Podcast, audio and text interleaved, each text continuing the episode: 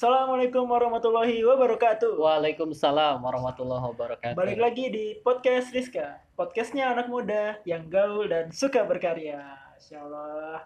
Oke teman-teman semuanya, balik lagi sama gua Fadil. Di sini gue bakal cerita-cerita nih dan gue sini nggak sendiri nih. Gua ditemanin sama akang-akang ya, akang-akang satu di di sebelah gue yaitu ada Kang Rizky. Ye, assalamualaikum teman-teman semua. Waalaikumsalam Kang. Gimana kabarnya Kang? Alhamdulillah baik. Alhamdulillah. Kumaha damang? Damang, alhamdulillah. Oke. Walaupun negeri ini dan beberapa negara lain memang belum cukup baik ya, tapi Oke. alhamdulillah kita masih diberikan kesehatan. Oke oke jadi walaupun negeri ini nggak terlalu sehat tapi Mm-mm. kita tetap oh, sehat ya. kita harus tetap sehat lahir Oke. dan batin. Oke nuhun Kang udah datang. Eh bener ya bahasa Jawa gitu ya? Eh, Iya bahasa betul. Sunda gitu ya? Bahasa Sunda akang Oke, boleh. Oke oke. Karena gue orang Betawi dan Mm. Kang Rizky ini orang Sunda jadi kita ada sedikit perbedaan. Perbedaan Sedikit perbedaan. Tapi kita satu Indonesia ya. satu Indonesia. Oke Kang Rizky alhamdulillah nih udah mau main-main di podcast kita kali ini. Kang Rizky, gue mau nanya-nanya nih Kang Rizky nih. Oh, boleh, ya? boleh, boleh, silakan. Boleh ya dong. Oke Kang Rizky, Eh, sekarang Kang Rizky ini aktivitasnya apa aja nih Kang Rizky? Aktivitas seperti biasa sebetulnya walaupun Hmm. ada kondisi Covid ya seperti Hmm. ini tapi aktivitas masih seperti biasa. Saya Oke. masih kerja Hmm. tentunya terus kalau misalnya mengisi-ngisi waktu luang saya juga sambil bikin podcast juga. Oke, Iya. jadi kita sama podcaster Betul, terkenal nih. saya enggak juga. Saya punya channel podcast juga, kemudian saya juga suka nulis Masya Allah. sama ya beberapa kegiatan lainnya. Oh iya, kalau nggak salah kemarin sempat bikin buku ya Kang ya? Betul, baru Masya aja terbit alhamdulillah di akhir bulan ini baru selesai cetak. Insya Allah di Agustus awal eh, Agustus awal kita sudah mulai diedarkan bukunya. Oke, Masya Allah nih teman saya satu ini penulis ya teman-teman ya. Jadi kalau ada yang mau mesen bisa aja nih nanti Bisa follow Instagramnya at at Kang Rizky 01. underscore 01. Oke, oke nanti ini endorse gratis nih. Endorse gratis. Terima kasih nih Bang Fadil. Oke, masya Allah Kang Rizky sekarang kan eh, kerja ya kerja ya. Gua alhamdulillah juga kerja sih alhamdulillah sejauh ini Eh, udah 4 bulan nih di rumah aja nih Betul. kerja cuman di rumah aja. Nah kalau Kang Rizky kan kan karena pandemi covid seperti ini ada nggak sih efeknya dalam pekerjaan Kang Rizky Hmm. misalkan atau apa pun itu ada nggak kira-kira efeknya? Ada ada tentunya. Saya kira bukan cuma saya atau kita kita aja ya. Jadi Iya sih. eh, hampir saya saya perhatikan hampir semua di semua bidang Hmm. dengan adanya Covid ini pasti ada perubahan, ada ada Hmm, pengaruhnya. hmm, hmm, hmm. Kalau di saya sendiri terutama di kerjaan, Hmm. saya jadi cuma setengah masuk nih. Jadi Setengah masuk tuh berarti sehari masuk, besoknya libur Oke. lagi, besoknya masuk Gue lagi. kira tadi masuk pagi, siang pulang. Oh Nggak ya? enggak, enggak. Kita jadi sehari masuk, besoknya libur lagi. Oke. Jadi sekarang kalau misalnya satu bulan ada 30 hari, berarti saya cuma kerja 15 hari Oh sebetulnya. gitu, oke. Berarti Itu sih lazim sih Hmm. sebetulnya. Jadi banyak juga perusahaan yang menerapkan sistem seperti berarti itu. shift-shiftan gitu ya? Ah betul, seperti itu. Hmm, gitu Kang Rizky. Ada lagi nggak kira-kira perubahannya ketika misalkan jam kerjanya Hmm. atau apa pun gitu ada lagi nggak yang berubah Kang? Jam kerja ya ada sedikit berubah. Hmm. Sekarang saya jam kerjanya jadi agak siang, dia mulai Oh, kerja gitu. tuh saya jam 12-an. Wah siang banget sampai ya. jam 10 malam. Oh, oke sampai malam guys. Kalau di kerjaan sih itu. Kemudian kalau misalnya di kegiatan-kegiatan lain kan kayak di komunitas, Hmm. perkumpulan kayak gitu, tentu yang biasanya kita bisa ngumpul bareng, bikin Hmm. kegiatan. Hampir mungkin selama berapa bulan nih? Empat bulanan, Empat bulanan kita ya, nggak benar. bisa kumpul-kumpul bareng lagi. Hmm. Tentu masih ada kegiatan tapi dengan kemasan yang berbeda sih. Iya benar-benar banget. Emang eh, kondisi kayak gini nggak ideal banget ya Kang ya. Betul. Dan gue juga ngerasain banget nih bagaimana eh, yang biasanya kagak bisa diem tuh ya. Mm. Biasanya banyak tingkah gitu ya kita ya. Nah ini diem doang nih di Iya. rumah. Yang biasanya tiap hari ada aja kegiatan ya. Benar. Se- Sekarang mau nggak mau ya harus Tiap tetap. hari, tiap minggu kadang-kadang Kang Rizky ke kondangan gitu kan. Iya, tiap hari ke kondangan. Sekarang kondangan jadi sepi. Iya kan. Tapi udah mulai rame lagi nih Bang Fadil. Ya begitulah. Walaupun itu kan bisa online juga sekarang Bisa ya. online. Kondangan via Zoom itu ya. Kangen juga ya mau kondangan. Kangen. Oke oke Kang Rizky.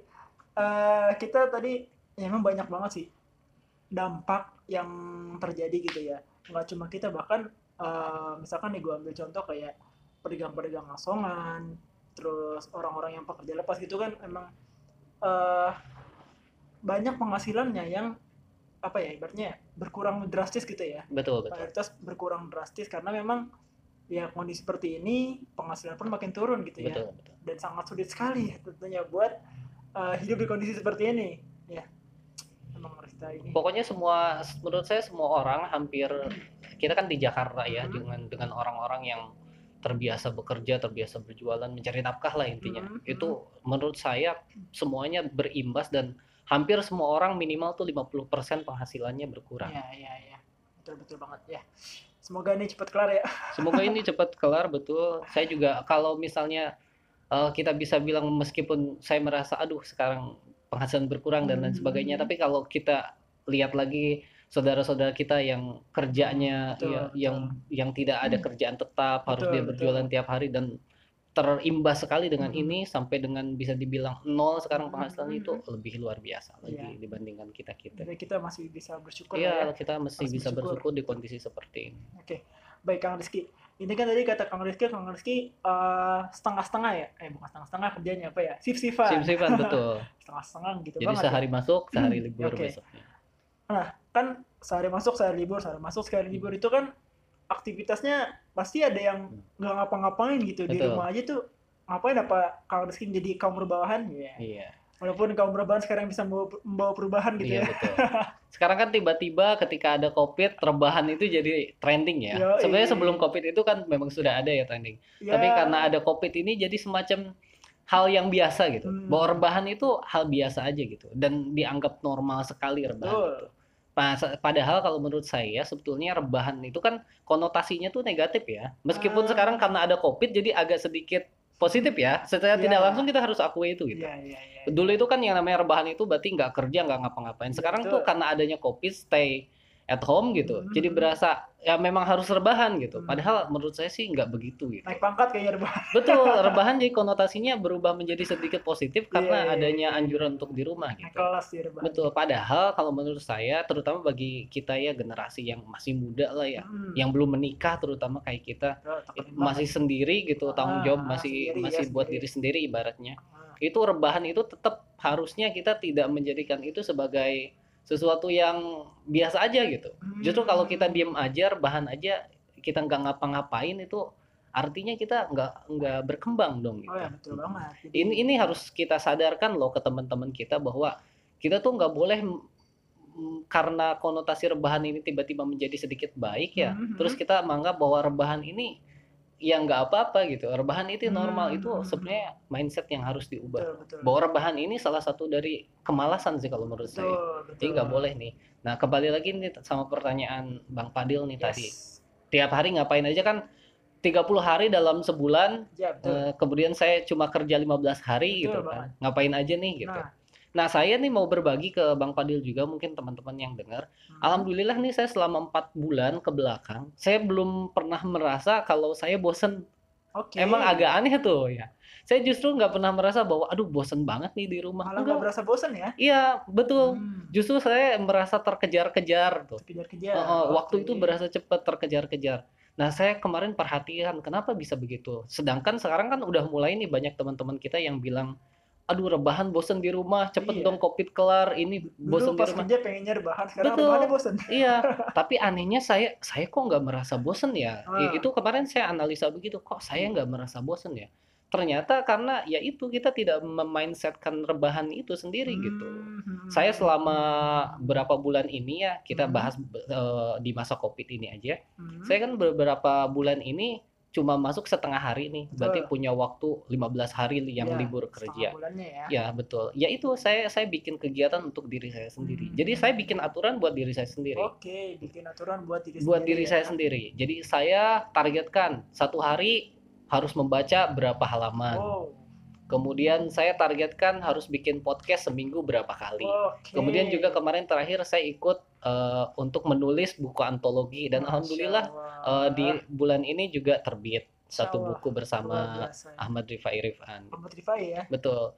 Jadi sebetulnya rebahan itu terjadi ya ketika mindset kita menjadikan bahwa rebahan ini normal, jadi ini Mhm. kita rebahan, padahal itu tuh nggak boleh kalau menurut Oke, saya. benar banget. Emang eh, mengurangi produktivitas ya, Betul, betul, bayangkan ketidakefektifan kita selama COVID kalau misalnya kita nggak ngapa-ngapain gitu. ya. Hmm, Padahal kan secara hitung-hitungan waktu luang kita kan harusnya lebih banyak daripada Hmm. sebelum COVID. Tapi kan hasil yang kita capai, maksudnya apa yang kita sudah lakukan selama Hmm, COVID hmm. kan malah kok jadi turun gitu. Sudah Betul, mah penghasilan menurun karena nggak kerja gitu kan. Iya, iya. Karya pun nggak ada itu kan Betul. sayang sekali Sayang apalagi ya untuk nggak milenial. ya. Betul, menurut saya begitu. Oke oke oke. Nah selain itu Kang Rizky, itu kan Kang Rizky ibaratnya membuat aturan sendiri. Betul. Yang mana kita tahu kalau misalnya sendiri itu berat ya. Sendiri itu berat. Ya kan? Sendiri itu berat. Sendiri itu berat. Nah Kang Rizky itu kan eh, itu itu buat sendiri kalau buat yang kegiatan komunitas-komunitas yang rame-rame nih. Nah. Ini ngapain aja nih kalau Nah. misalkan di pandemi kayak gini nih? Betul. Itu kan saya saya itu eh, setidaknya membagi dua. Pertama Oke. aturan untuk diri sendiri. Mhm. Jadi saya, saya memang sengaja menyem- menyempatkan gitu, membagi waktu saya untuk saya sendiri gitu. Saya untuk Me saya ya, membaca, ya. betul untuk saya membaca, untuk saya eh, menulis, Mhm. menghasilkan karya, untuk saya bikin podcast gitu. Itu saya memang menyisihkan itu. Tapi selain itu Alhamdulillah saya ya itu sendiri itu kan berat. Jadi Iya, saya betul. tetap harus Berat terkoneksi dengan orang-orang yang membawa energi positif itu. Karena kalau udah sendirian di rumah, wah itu tidak ada energi. Makanya bagus sekali memang kita harus terkoneksi dengan itu. Walaupun Hmm. kan sekarang pandemi tidak Iya. bisa datang, Mhm. tapi kita harus koneksi kita tidak boleh terputus dengan teman-teman Nah gitu. betul banget. Nah, alhamdulillahnya nih salah satunya saya kan salah satu aktivis di Rizka nih. Cie, aktivis ya. Aktivis. Kalau anak-anak Rizka itu biasanya bilang aktivis Rizka itu Rizkader gitu. Riskada. Saya sebagai. Rizkader di Rizka. Dan itu tuh betul-betul buat saya memberikan impact sekali. Oke. Dengan terkoneksinya saya dengan teman-teman di Rizka, walaupun selama pandemi ini Hmm. kan Rizka ini selalu ada kegiatan. Betul, betul. Kajian online tetap berjalan, kemudian uh, perkuliahan di Rizka tetap berjalan, Hmm. kemudian graduation juga kemarin tetap berjalan. graduation. Jadi pandemi ini tidak menghentikan kita, justru membuat kita berinovasi dan Oke, mengemas ini. banget. Nah, dengan terkoneksinya itu saya mendapatkan energi dari teman-teman. Jadi ketika males gitu, ya ada teman-teman yang Oke, ngajak oke. gitu. Jadi akhirnya mau nggak mau saya harus bangkit mau lagi. ya. Iya, Betul. iya, iya. Apalagi kalau misalnya di Rizka ini kan selalu ada apa ya kesempatan untuk berkembang gitu. Betul. Mak- Maksudnya selalu Bisa ada tanggung jawab berkembang yang kita. ditawarkan. Kemarin misalnya Kang Rizky mau nggak mimpin di tim ini, Kang Rizky mau nggak mimpin di tim Siap. ini. Nah itu kan secara tidak langsung kalau misalnya kita ada tanggung jawab seperti itu, Mhm. ya kita juga pasti nggak mungkin rebahan gitu. Nggak ya mungkin betul banget, rebahan. betul banget. Ya emang eh, beberapa yang diinformasikan oleh Kang Rizky memang bener banget tadi teman-teman bahwa di Rizka selama online pun kita tetap eh, melakukan aktivitas ya. Betul. Padahal kita aslinya tuh sebelum COVID ini terjadi tuh setiap minggu pasti kumpul gitu Betul, ya, setiap betul. minggu bahkan setiap hari itu ya kadang-kadang ya kalau ada suatu kegiatan itu masya Allah banget jadi ada perubahan tapi emang eh, di sini Rizka sebagai komunitas yang anak-anak muda gaul dan berkarya cie anak-anak komunitas yang ber- kita tetap bisa berkarya gitu. Berkarya betul. walaupun dengan kondisi seperti Dengan ini. kondisi seperti ini. oke oke oke. Masya Allah banget. Ini Kang Rizky sangat menginspirasi banget nih Wah, Iya gimana enggak dia apa namanya bisa bikin buku gitu loh. Kalau nih COVID berlangsung lama-lama, oh jadi penulis terkenal di kali ya. memang saya punya cita-cita sih harusnya jadi penulis. Oke, tapi ya paling enggak sekarang sudah mulai. Sudah mulai ya ya. merintis sedikit-sedikit. Oke, siap, siap, siap. Nah, Kang Rizky, sekarang kita coba ngomongin yang tentang Rizka mungkin Betul. ya. Kang Rizky emang dari kapan sih join di Rizkanya ini? Saya join di Rizka berarti tahun 2019 awal. 2019 awal. Oke. Dan saya join di Rizka itu eh apa ya namanya tuh? Kecemplung kalau Kecemplung. kecemplung, ya kalau bahasanya. Saya sih selalu meng- saya saya pernah nulis juga tentang Ah, kisah ah. saya kenapa masuk ke Rizka. C nulis juga. Jadi saya pernah nulis dan saya menganalogikannya ya atau saya menamainya itu saya diantar takdir ke Rizka. antara takdir, masya Di antara Allah, takdir. di antara Karena takdir. saya nggak tahu Rizka itu apa, saya nggak tahu Rizka itu di mana, Oke. tapi tiba-tiba saya harus masuk ke Rizka dan Oke. alhamdulillah sampai sekarang gitu nyaman di Rizka. nyaman banget ya. Oke, nah itu masuk ke Rizka 2019 tuh kecemplungnya kecemplung kenapa tuh? Iya kenapa saya bilang kecemplung ya? Ah. Sebetulnya saya tuh nggak tahu Rizka awalnya. Hmm. Saya itu eh, di Jakarta, eh, kemudian ya saya juga sempat berkomunitas juga Oke. sebelumnya. Cuma saya berpikir bahwa aduh ngaji saya kok kurang Oh, oke ya gitu. Jadi, Ngaji saya ya. anak kampung ya, saya besar di kampung. Tentu kalau baca Al-Quran, alhamdulillah saya sedikit-sedikit bisa. Hmm. Tapi kan untuk detail-detail kayak makronya, sifatnya dan Hmm. segala macam Hmm. itu kan perlu pendalaman. Oke, betul. Dan menurut saya nggak enak sekali kalau ngaji itu macet-macet gitu. Oke, betul Justru banget. kalau ngaji terbata-bata capek banget kalau menurut saya. Yes. Nah that's dari itu, itu tahun 2019 awal itu, sebenarnya tahun 2018 tuh awalnya. Hmm. Saya udah punya kerisauan itu. Saya Hmm. agak risau tuh.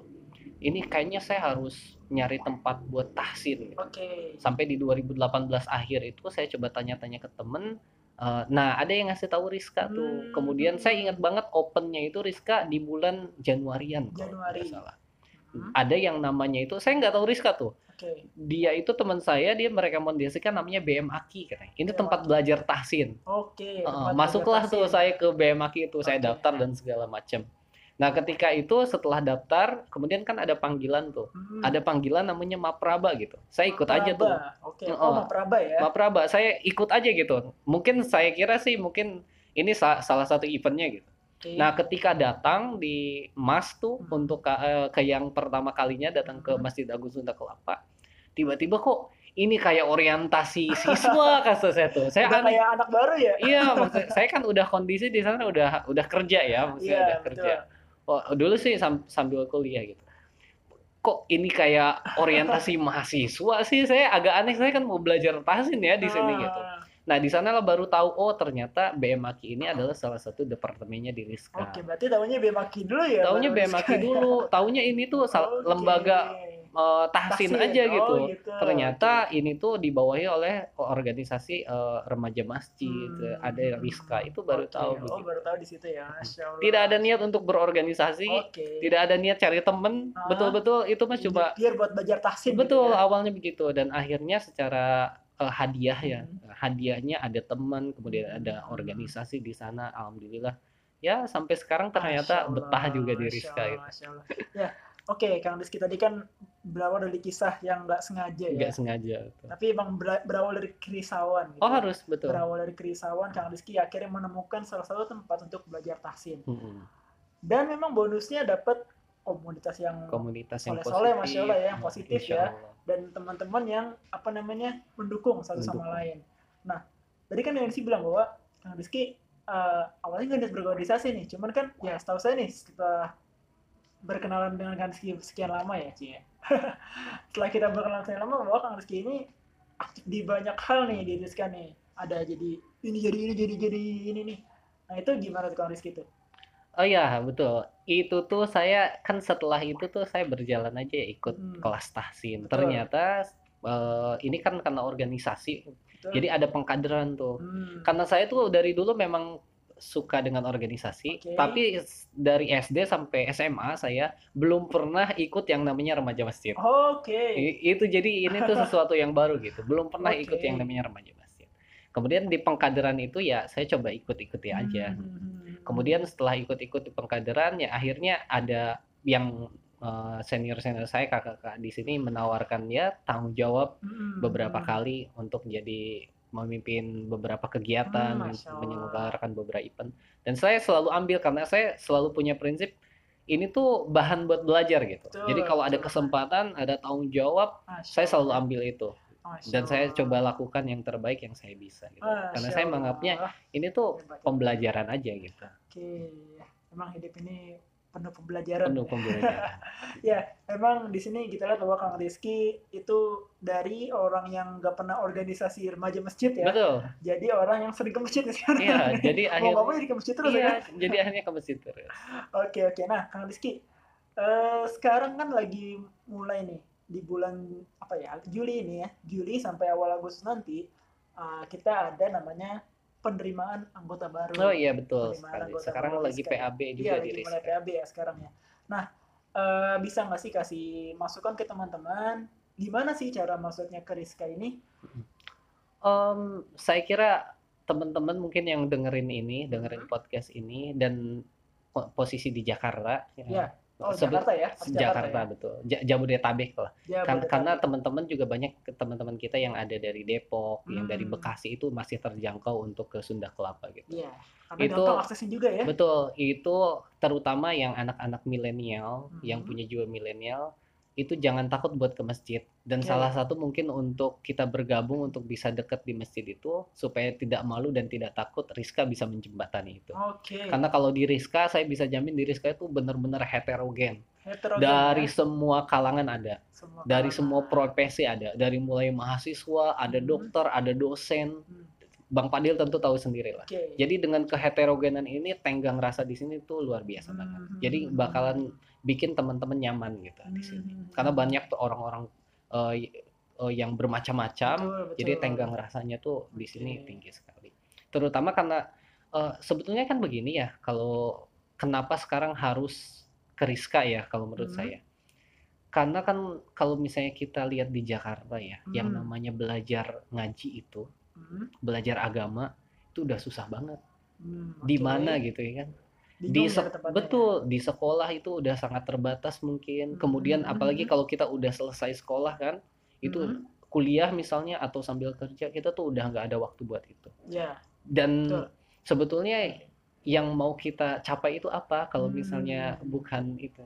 Bener banget. Betul. Kalau misalnya umur saya sekarang 25 saya Hmm, ditakdirkan untuk berumur 60 tahun. Hmm, hmm, saya berarti umur saya tinggal berapa? 35 ya? Tinggal 35 aja dan kalau misalnya saya nggak nyiapin yang Hmm, buat akhirat kapan mau lagi gitu iya ya? Betul kapan mengapain lagi ya? Kita Nah, ngapain lagi sih Rizka ini begitu? salah satu menurut saya salah satu yang menjembatani itu.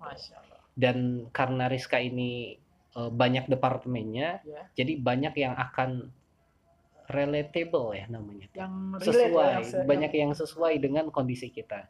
Jadi kan di Rizka ini kalau saya ingin belajar ngaji saya bisa masuk ke BMAKI Oke. seperti saya Hmm, yang pengen belajar tahsin. Hmm, kalau ingin belajar tentang dasar-dasar tentang agama tentang fikih tentang akhlak hmm, itu kan ada juga ya Bang Fadil namanya SDTNI SDTNI jadi tergantung kita mau ke mana nih Rizka ini menurut saya cukup Hmm. untuk memfasilitasi itu. Hmm, kemudian juga Ahwat juga mungkin teman-teman yang eh, ingin belajar tentang eh, Islam dari sudut wanita yang yang ya. fokus tentang kewanitaannya itu bisa di sister clubnya Sister Rizka Club, juga betul seperti itu nah selain itu kan salah satu di Rizka ini yang menarik ini tetap milenial gitu sesuai milenial. dengan tagline-nya muda Muda, gaul, gaul, berkarya. itu remaja masjid yang menurut saya agak sedikit aneh tagline-nya ya. muda gaul ya? berkarya iya menurut saya agak aneh karena eh, tiga kata ini ya muda gaul berkarya Hah? Eh, apa ya namanya tuh milenial banget gitu Milenial banget ya. Nah, Kalau makanya dulu kan pas zaman kecil ada peace, love, and gaul. Itu iya betul ya? itu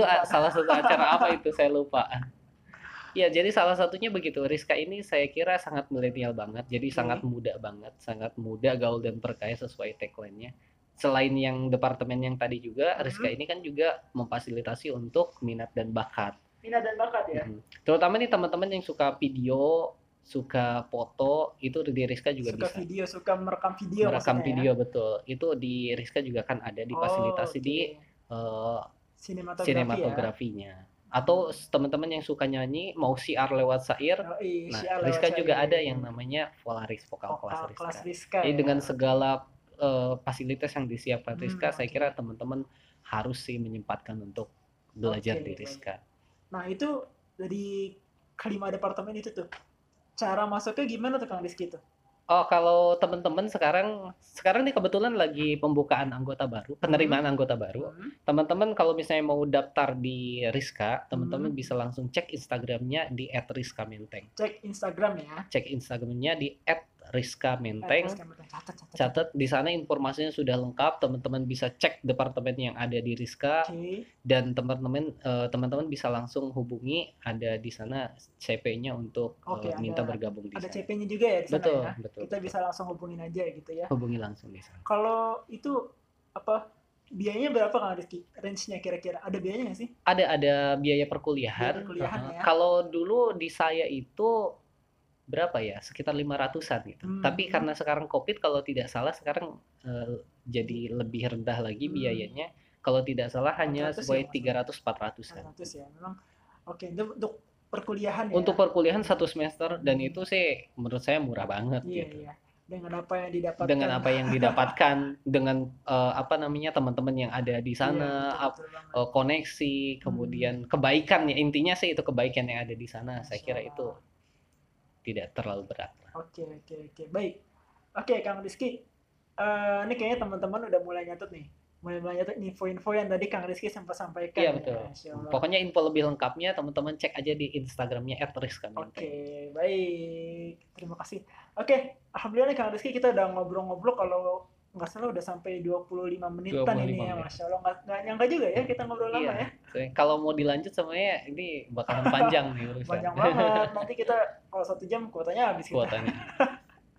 Oke, teman-teman, eh, alhamdulillah gue udah ngobrol-ngobrol nih sama Kang Rizky nih terkait bagaimana kondisi dia sekarang, cie kondisi dia sekarang, kemudian aktivitasnya yang sangat masya Allah dan juga eh, kegiatan-kegiatan yang ada di Rizka, yang ada di Kang Rizky juga, yang Kang Rizky lakuin, dan juga terakhir adalah cara untuk masuk Rizka. Nah, bagi teman-teman yang pengen masuk Rizka, yuk silakan cek di Instagram @rizkamenteng sekarang juga atau di website juga ya Di bisa ya website juga ada. PAB dot rizka- rizka.or.id. oh, .id ya oke bisa dicek di website juga Instagram nanti info lebih lengkapnya bisa lihat di Instagram aja oke teman-teman eh ya kita cukupkan aja mungkin ya Kang Rizky ya Ya, siap Bang Fadil. Terima kasih banyak. terima kasih banyak Kang Rizky udah memenuhi undangan Iya, terima kasih. Seenggaknya udah ngasih undangan dulu ya. Iya.